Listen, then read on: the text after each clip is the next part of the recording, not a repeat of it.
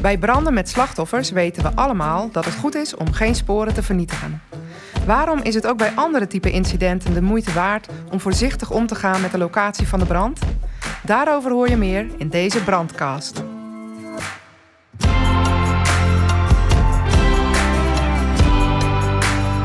Leuk dat je luistert naar de brandcast van de Vru. Mijn naam is Fanny Spierenburg. Elke aflevering bespreek ik samen met een collega van Team Brandonderzoek één incident en de lessen die we daaruit kunnen leren. Welkom bij deze nieuwe aflevering. Bertel Amberger, vandaag ben jij als brandonderzoeker hier te gast om over een casus te vertellen. Nou, ik ben eigenlijk wel benieuwd. Wat voor casus heb je meegenomen? Hi Fanny. Ehm, ja, um, ik heb een leuke casus meegenomen waarbij uh, repressie uh, heel goed heeft gehandeld. Bij een uh, brand in een appartement van een uh, portiekflat in Utrecht. En nou, daar wil ik graag wat over vertellen. Nou, ik ben benieuwd. Begin maar bij het begin. Wat was de melding? Um, de melding is uh, doorgekomen um, en gemeld via de uh, bovenbewoner. Die heeft uh, aangeklopt op de woning daaronder, maar geen gehoor. daarop heeft hij 112 gebeld, want er waren, rook kwam er uit het keukenraam. Okay. Nou, de, de brandweer is daarop gaan rijden.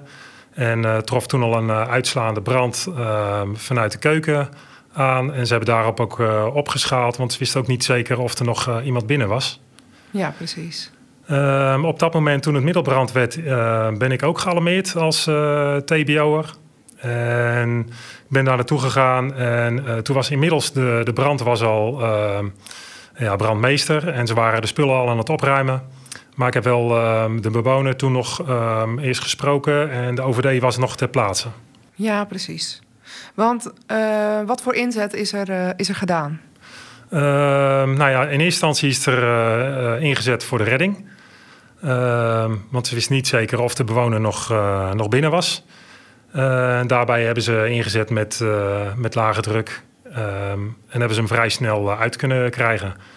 het bleek te, gaan om een brand die naar eerste instantie leek veroorzaakt was door een kortsluiting uh, in een koelkast, een koel-vries combinatie. Maar later bleek er toch een hele andere wending te krijgen. Want de sporen die, die wezen toch naar een hele andere oorzaak.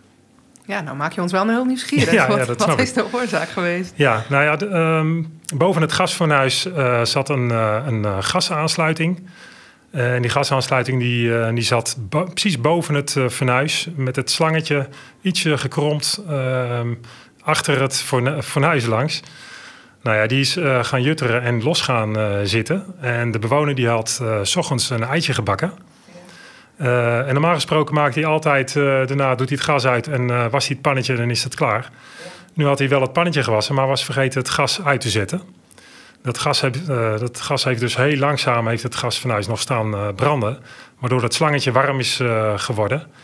Ehm, en vermoedelijk kan het ook zo zijn, omdat het gasslangetje los zat, dat er ietsje gas uit is gekomen. En daardoor is die gaan branden. Ja, precies. En wat ik eigenlijk zo mooi vind van ehm, repressie, is dat ze de apparatuur die daar stond, dat die juist helemaal intact is gelaten. Waardoor we in het onderzoek eh, konden zien dat ehm, de gaspitten, uh, die stonden allemaal in dezelfde stand, behalve het gaspitje aan de zijde waar precies het uh, gaskraantje zat. En dat kun je zien, al, die, al die knopjes die waren verbrand, maar ja. het ijzeren gedeelte, um, die heeft een, een, ronding met een afgevlakte kant. En die afgevlakte kant kon je nog precies zien ja, in dat gastoestel. Oh, dat is wel briljant ja. inderdaad. En uh, nou ja, kijk, als, uh, als repressie dus aan zo'n gasfornuis zit of ze gaan aan de knoppen draaien, dan is dat niet meer te achterhalen. Maar in dit geval konden we dus precies zien dat hij dus nog wel gebrand heeft. Ja. En dat dat de oorzaak achteraf is geweest. Ja, oh, dat is wel een mooie les. Dat we inderdaad ja. uh, spullen zoveel mogelijk intact moeten laten, zodat we ook later jullie als brandonderzoekers ja, daarmee aan de slag kunnen gaan. Precies. En daarnaast ehm, is er ook een uh, smokestopper toegepast. Uh, bij de woningvoordeur. Uh, waardoor dus geen rook in het trappenhuis terecht is gekomen. En daardoor heeft repressie ook een hele goede inzet kunnen doen. En hebben ze rookvrij alles kunnen voorbereiden in het trappenhuis voordat ze naar binnen gingen.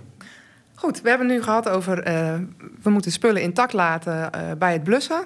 We hebben het gehad over de smokestopper. Zijn er nog andere dingen die we van dit incident kunnen leren?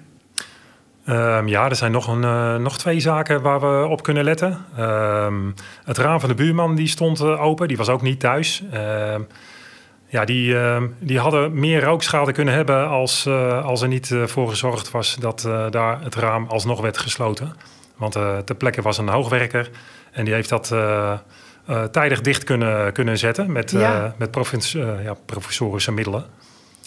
En dan is er natuurlijk nog een, nog een zaak voor brandveilig leven. Dat, dat je rookmelders in je woning moet ophangen. In dit geval was een rookmelder opgehangen, waardoor de buurman, de bovenbuurman gealarmeerd is.